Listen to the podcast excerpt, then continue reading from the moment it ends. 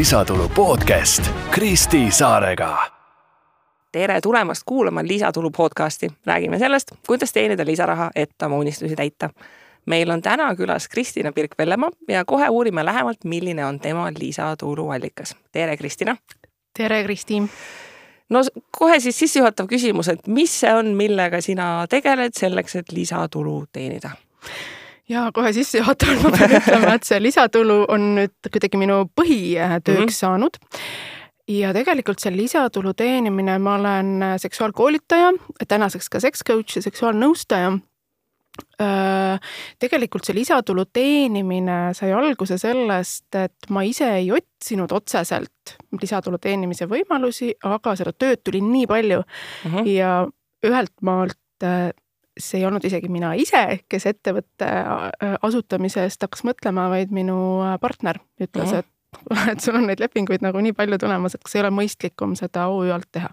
mida sa muidu enne tegid? Äh, tegin sama tööd seksuaalkoolitaja, aga ma ei tegelenud siis nõustamisega, et tegelesin koolitamisega ja seksuaalhariduse eksperdi töö mm -hmm. oli peamiselt minu igapäevane töö, mis tähendas seda, et jah, üks osa tööst olid koolitused siin Eestis, teine osa tööst oli selline rahvusvaheline projektitöö äh, Moldova, Kõrgõzstan, Kasahstan issand, mis nüüd veel, noh, viimane on Gruusia mm, -hmm. mis praegu on ka ühe kõrvalprojektina käigus, et sellist äh, nii-öelda äh, Eestis äh, kogutud oskmist, oskuste ja teadmiste jagamine siis äh, väljaspool Eestit endise Nõukogude Liidu, ma ei tea, okupeeritud aladel mm -hmm. siis ütleme niimoodi.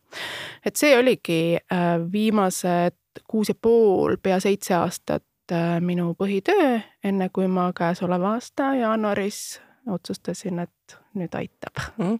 aga kuidas see siis alguse sai, et kas äh, lihtsalt hakkas uksest ja aknast tulema mingeid pakkumisi, et, et sa võiksid koolitada või sa ise ka mõtlesid, et tahaks väljaspool just seda palgatöö formaati ka lisaks midagi teha mm?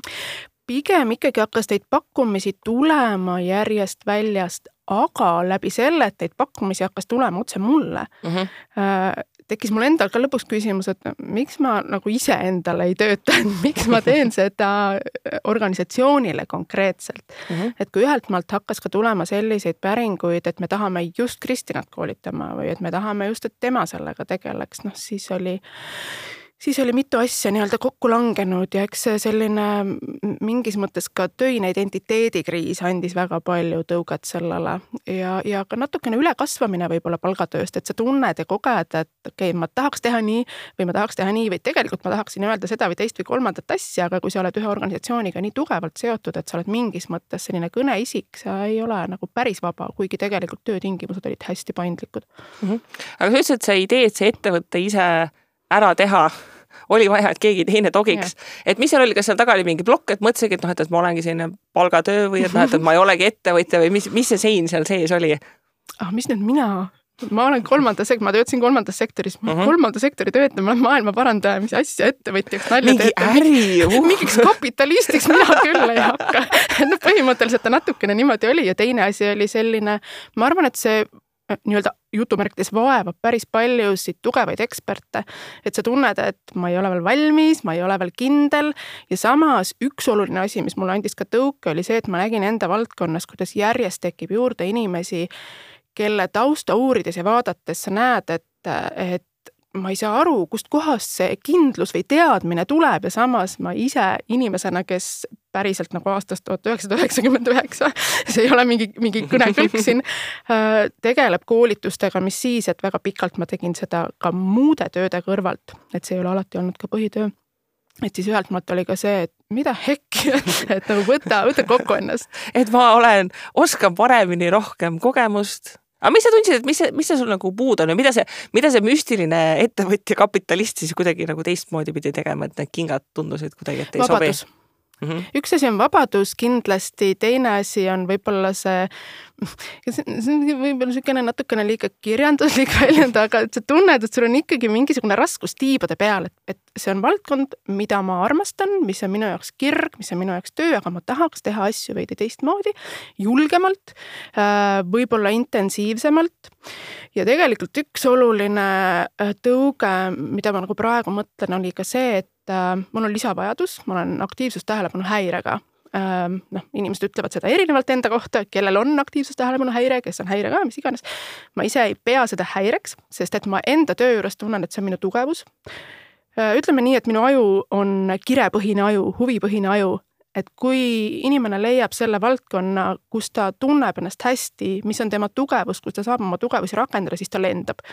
ja ka ühelt poolt ma tundsin, et mul on vaja veel rohkem oma keskkonda, oma töökeskkonda sättida, rahulikumalt mõelda, otsustada oma tempot, kuidagi seada rohkem, et see oli ka kindlasti üks oluline argument, miks ma selle lõppsammu ära tegin. aga kuidas sinna sobivad kokku kõik need ettevõtlusega kaasas käivad äh, administratiivsed rõõmud, raamatupidamine, arvete saatmine, Excel, ma juba su näost näen, et see ei ole see kirepõhine osa seal. Äh, arveid ma saadan ikka, sest mul on raha vaja tööd teha. Või et, et, et, et ka investeerida, sest see haridus tegelikult Äh, on võtnud nagu meeletult raha. Äh, ja, ja ka see, et tehniliselt, tehnilisi vahendeid võimaldada endale, mis parendavad su tööd. muidugi mul on, mul on selleks vaja ju arveid väljastada, et sellega mul tegelikult probleeme enam ei ole Äh, Exceleid ma ei armasta olen püüdnud leida endale muid võimalusi, mis kuidagi natukene rohkem mu jaoks töötavad. majandusaasta aruannetega tegeleb raamatupidaja ja mul praegu hetkel ei ole, mm, ütleme siis niimoodi, et ähm, ma kavatsen sügisest hakata endale palka maksma, ehk mm -hmm. siis lähevad asjad huvitavamaks ja, ja, ja igasugused deklareerimised ja nii edasi ja nii edasi, aga siiani on olnud see suurim asi siiski see, et ma dokumendid saan kokku, panen mm -hmm. kokku, no sõidupäevik on nagu ilge tüütus, aga ma teen selle ära, vähemalt äh, on mul need asjad enda jaoks kirjas ja isegi kui ma teen ta tagantjärgi, siis ma teen ta nagu korrektselt ära.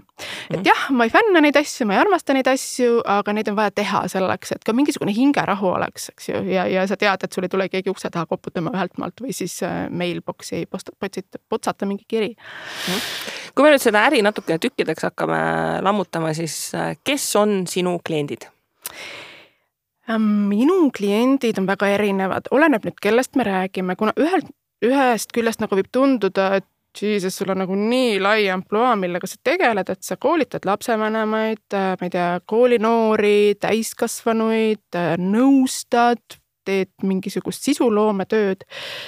et äh, ja et, et miks sa ennast niimoodi killustad, siis teisalt noh, valdkond, millega ma tegelen, on üks, see on seksuaalsus, see on seksuaalharidus ja seda vajavad kõik inimesed. ja need kliendid, vaatamata sellele, et nad on väga-väga erinevad, see eesmärk minu jaoks selle tegu, tegutsemise juures on üks ja see on see sekspositiivne ähm, lähenemine mm, seksuaalsusele, seksuaalharidusele, seksuaalnõustamisele, vähendada stigmasid ja vähendada seda üks minu oluline missioon on ka see, et et me räägiksime seksuaalsusest sensatsioonita, seksuaalsus ei ole sensatsioon, ta on mingi, mingi väga ma ei tea, loomulik osa inimeseks olemisest. igal inimesel on ta erinev, me tunneme, väljendame seda erinevalt, aga et, et me ei, me nagu kaugeneksime sellisest uh, sensatsioonihõngust ja võtaksime siis seda kui, kui loomulikku nähtust. mehi on huvitaval kombel nõustamisklientide seas või coaching'u klientide seas olnud rohkem. miks ma ütlen olnud, on see, et ma nüüd äh, jaanuarist kuni tõepoolest isegi suveni, praegu hakkan uuesti selle nõustamistööga rohkem pihta. ma jätsin selle pausile, sest ma kirjutasin oma magistritööd ikka seksuaalsuse teemal ja ma tahtsin seda teha hästi. noh, aeg oli muidugi keeruline, ma arvan, et meie kõigi elud ka siin kaugemal seda sõda vaadates ja kogedes äh, noh, said mingi väga tugeva raputuse osaliseks. ehk siis nõustamistöö jäi minu jaoks kõrvale äh, mingit sisuloometööd ma, ma nagu sotsiaalmeedias toona ei teinud ja kirjutasin magistritööd, kirjutasin selleks, et olla parem koolitaja, olla parem nõustaja, aga ka selleks, et seksuaalsust uurida Eestis rohkem ka kultuuriliselt ja et see jõuaks minu klientideni. Mm.. kui ma räägin koolitamisest, siis väga palju kliente on lapsevanemad. Äh, seksuaalkasvatuse teemalised koolitused, mm, äh, ütleme nii, et oh, natukene on see kalender ja, ja, ja nii-öelda see ajataju paigast ära, aga eem, ma arvan, et see oligi eelmise aasta novembrist kuni detsembrini või oktoobrist-detsembrini oli hull tamp. siis oli ikka mituteist koolitust järjest. ja nüüd ma olen suundunud pigem sellele rajale ma praegu valmistangi ette äh, veebikoolitusi või videokoolitusi, mida mm. inimesed saavad läbida siis omas tempos. see on äh, natukene leebem mulle mm. ja, ja ma usun või ka nagu lapsevanemad ise on öelnud, et väga paljudele sobiks seda teha omas kohas, omas tempos. nii et kliendid on väga-väga erinevad, oleneb mm., millisest tegevusest me räägime. aga kui sa turgu vaatad, kes on sinu konkurendid hmm.? Oleneb, millest me räägime, kas me räägime tõenduspõhisest seksuaalnõustamisest, seksuaalharidusest või me räägime sellisest ähm, tunnetuspõhisest, räägime me esoteerilisest maailmast. et võiks öelda, et konkurente on, aga samas ma nagu ei taju, ma, ma iseenda jaoks ei mõtesta äh, neid inimesi või neid tegijaid konkurentidena, sest me jah, me tegeleme seksuaalsusega, me räägime seksuaalsusest, aga minu enda jaoks see, kuidas ma olen selle üles ehitanud, on väga tõenduspõhine, miks ma ka seksuaalsuse uurijana edasi lähen. sellel aastal ma teen pausi, teen natukene artikleid, publikatsioone ja ma kavatsen doktoriõppesse edasi minna. et seksuaalsust uurida, seksuaalsusega tegeleda ja meil Eestis ei ole väga palju neid inimesi. Need inimesed, kes äh, keda ma võtan või, või kelle poole ma vaatan kui tõenduspõhiste tegijate poole, äh, ehk siis inimeste poole, kes vaatavadki seksuaalsust väga laialt, tõenduspõhiselt, äh, läbi teaduse ja kiputakse ütlema, et teadus, seksuaalsus, miks te kõike nii kliiniliselt vaatate. ei, teadus ei tähenda seda, et me räägime kliiniliselt ainult arsti vaatepunktist. et neid inimesi on, aga nad ei ole minu jaoks konkurendid, nad on väga-väga-väga olulised äh, koostööpartnerid, ähm, seksuaaltervise või seksuaalmeditsiini arstid, äh, see jah, nagu turu, turuna ma eeldaks, et tegemist on pigem väga kasvava turuga ja,. jah, on küll on tegemist kasvava turuga ja see tagasiside, mida ma ise olen saanud, noh, ma ei ole, ütleme siis niimoodi, et ma tegin Insta konto eelmise aasta sügisel, jah, kaks tuhat kakskümmend üks. ja siis jupp aega ma nagu niimoodi natukene bits and pieces pistsin sinna sellist informatsiooni, aga väga kaootiliselt, väga vähe ja noh, kool ja muud asjad olid kuidagi nagu suuremad prioriteedid ja selle aasta kevadest, ma arvan, et maikuust äh, mul oli üks hästi tore abiline, Helen, kes natukene andis tõuget just sotsiaalmeediaga tegelemiseks. natukene selliseid nõuandeid, läbisin ka ühe turunduskoolituse äh, nullist uh. -huh sotsiaalmeedia turunduskoolituse siis ja hakkasin järjest rohkem sisu tootma teadlikult ja, ja mida rohkem ma seda sisu olen tootnud, seda rohkem ma olen saanud tagasisidet inimestelt, et no ah, vot see on see, mida ma tahan, et inimestele, äh, kes on tagasisidet andnud, neile sobib see toon, neile sobib see lähenemine, neile sobib see, et see seksuaalsuse käsitlus ei ole mees-naine. Äh, ma ei tea, naise naudingud on sellised, mehe naudingud on sellised, me oleme inimesed, me oleme kõik tohutult erinevad ja inimesed vajavad luba olla erinevad et äh, järjest enam räägitakse ka sellisest survest olla äh, kuidagi konkreetsel moel seksuaalne ja mida ma tahan anda, mida ma tahan teha, ongi seda kuidagi laiendada ja, ja olla hästi kaasav. ja see on ka väga-väga oluline, kui sa räägid sellest, et see turg järjest laieneb, laieneb küll ja siia ongi vaja mitmekesisust ja kui on inimesed, kellele Äh, sobib üks lähenemine või kellele sobib näiteks tantra või tantristlik lähenemine ja, ja tantraga on mul nagu väga segased suhted selles mõttes, et mul on kahju, kui ma vaatan seda, mis toimub Eestis, sest see on väga sageli selline pseudolähenemine, miksitud millegagi. Ja, ja kui ma vaatan äh, seda, kuidas on käsitletud tantrat minu enda väljaõppes või koolituses lihtsalt selleks, et mõista kliente, erinevaid kliente, siis see on nagu öö ja päev tegelikult. Mm mu järgmine küsimus olekski olnud, et kuidas sa ennast äh, turundad, et ma eeldan, et noh, eraisikud jõuavadki sinuni siis näiteks suuresti läbi selle Insta sisu, et noh, tänapäeva turundus on sisupõhine väga mm. -hmm ja jõuavad läbi Insta sisu, jõuavad ka läbi endise tööandja äh,, läbi Facebooki mm,.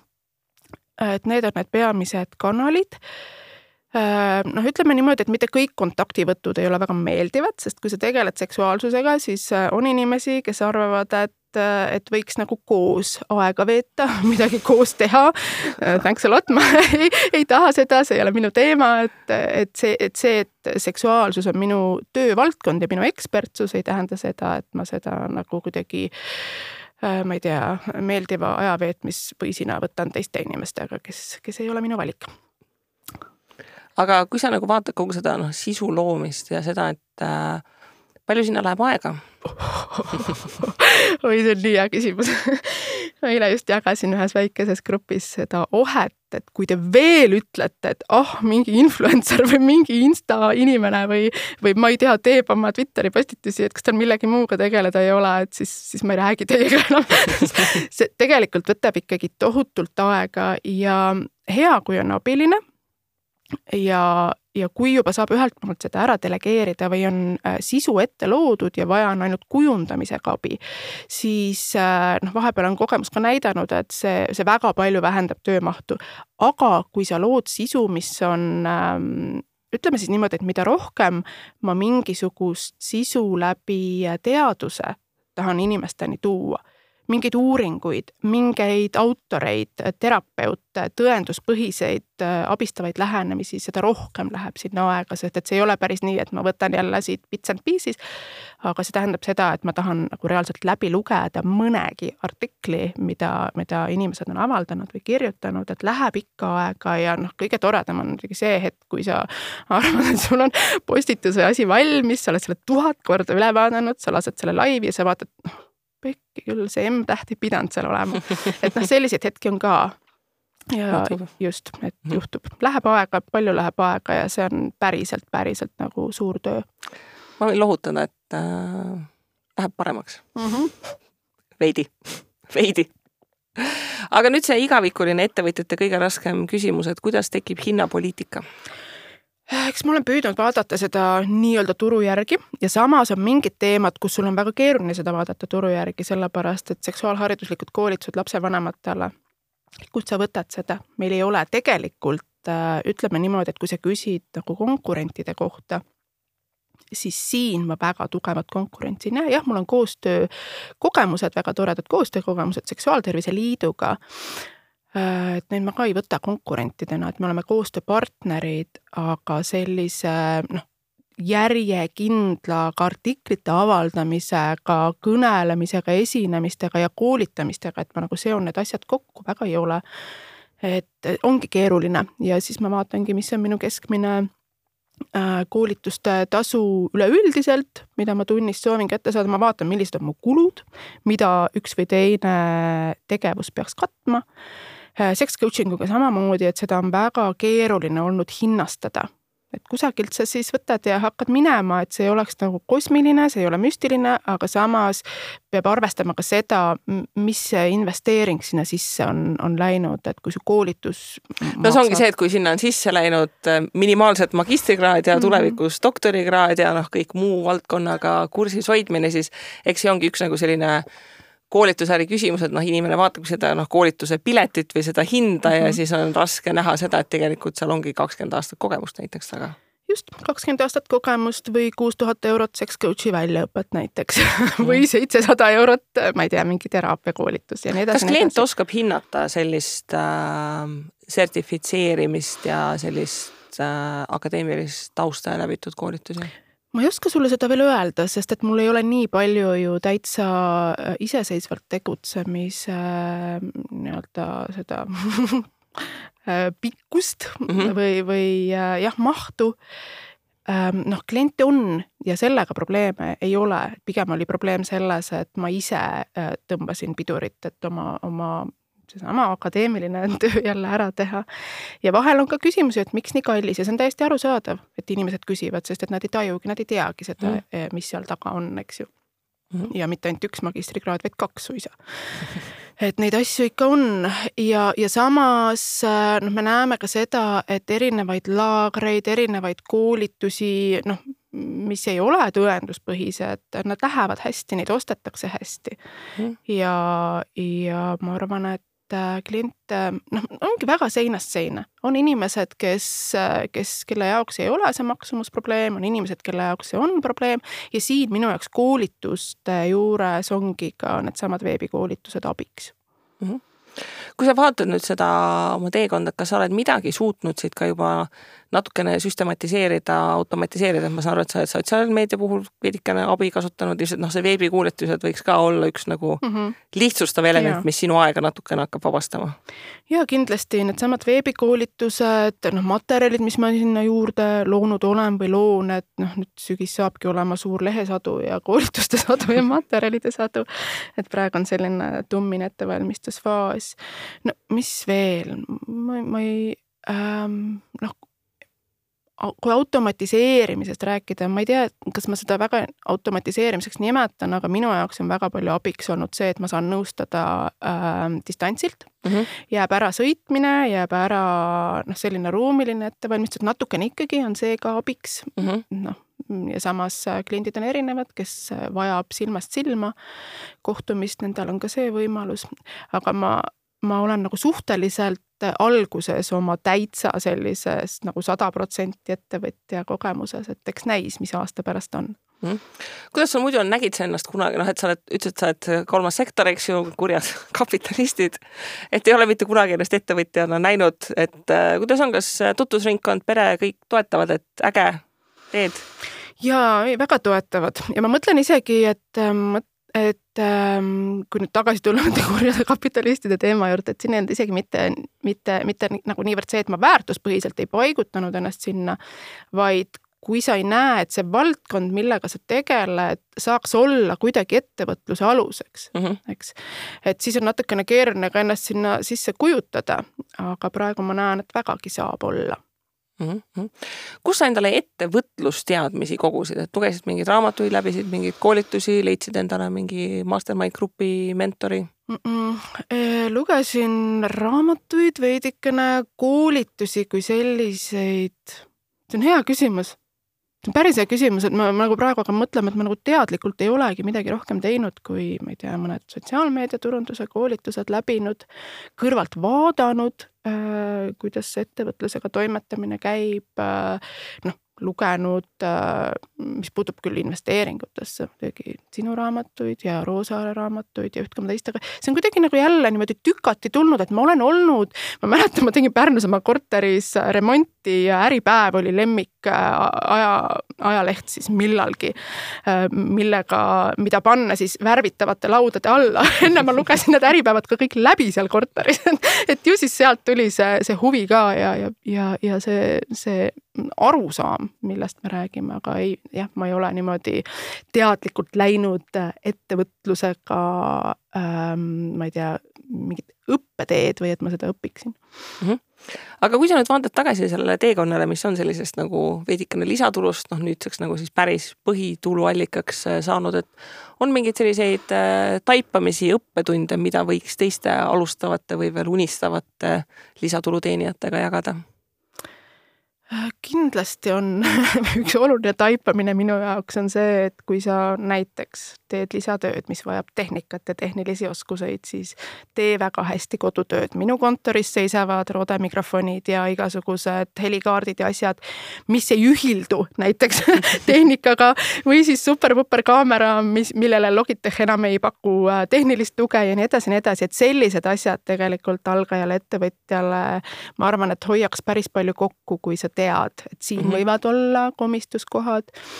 ja ma arvan, et see enesekindlus on üks meeletult oluline asi ja noh, kindlasti ka, kui sa ühelt maalt liigud äh, mitte ainult lisa, ühesõnaga, et sa liigud lisatulu teenimiselt päris iseseisvale ettevõtlusele, et see ongi sinu sissetulek, siis see võtab natuke aega ja minul on võtnud veidikene aega, et aru saada, et aa, okei okay,, et see noh, mul ei ole mingit põhipalka enam või tulevad mingisugused projektid, aga et ma peangi nüüd arvestama näiteks investeeringutes, ma olen pidanud päris palju korrektuure tegema.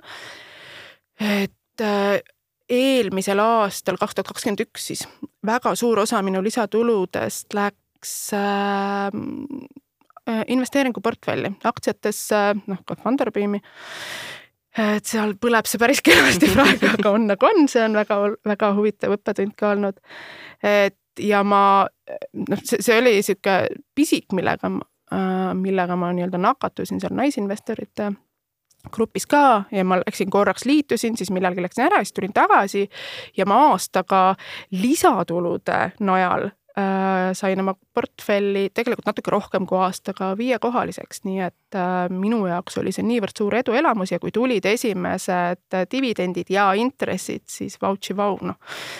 eks see ongi väga paljudele, et on minu investeerimisportfell ka, et noh, ma esimeses saates rääkisin sellest, et see, mida ma teenisin lisatuluna, see oligi see, mis saigi olla selliseks mm -hmm portfelli stardikapitaliks, eks ju, et kui, kui palgatööst midagi üleliia palju üle ei jää ja seal on sein ees, noh siis teenidki lisaks ja see ongi see, kust see algus tuleb.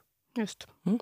olgu, aga väga hea, aitäh sulle, Kristina, et sa tulid, jagasid oma kogemust just sellest, et kuidas äh, hoopis sellise akadeemilise tausta pealt tulla ja täiesti selline noh, valdkond, mis on tõesti kasvav, kus aga mingil määral sa, sa koolitadki klienti, et ta üldse teaks, et tal on sind vaja ja et see on oluline teema, millega tegeleda. ja teiega, kuulajad, kohtume juba järgmisel korral järgmise põneva külalisega, kes jagab siis juba enda lisatuluallikat. kohtumiseni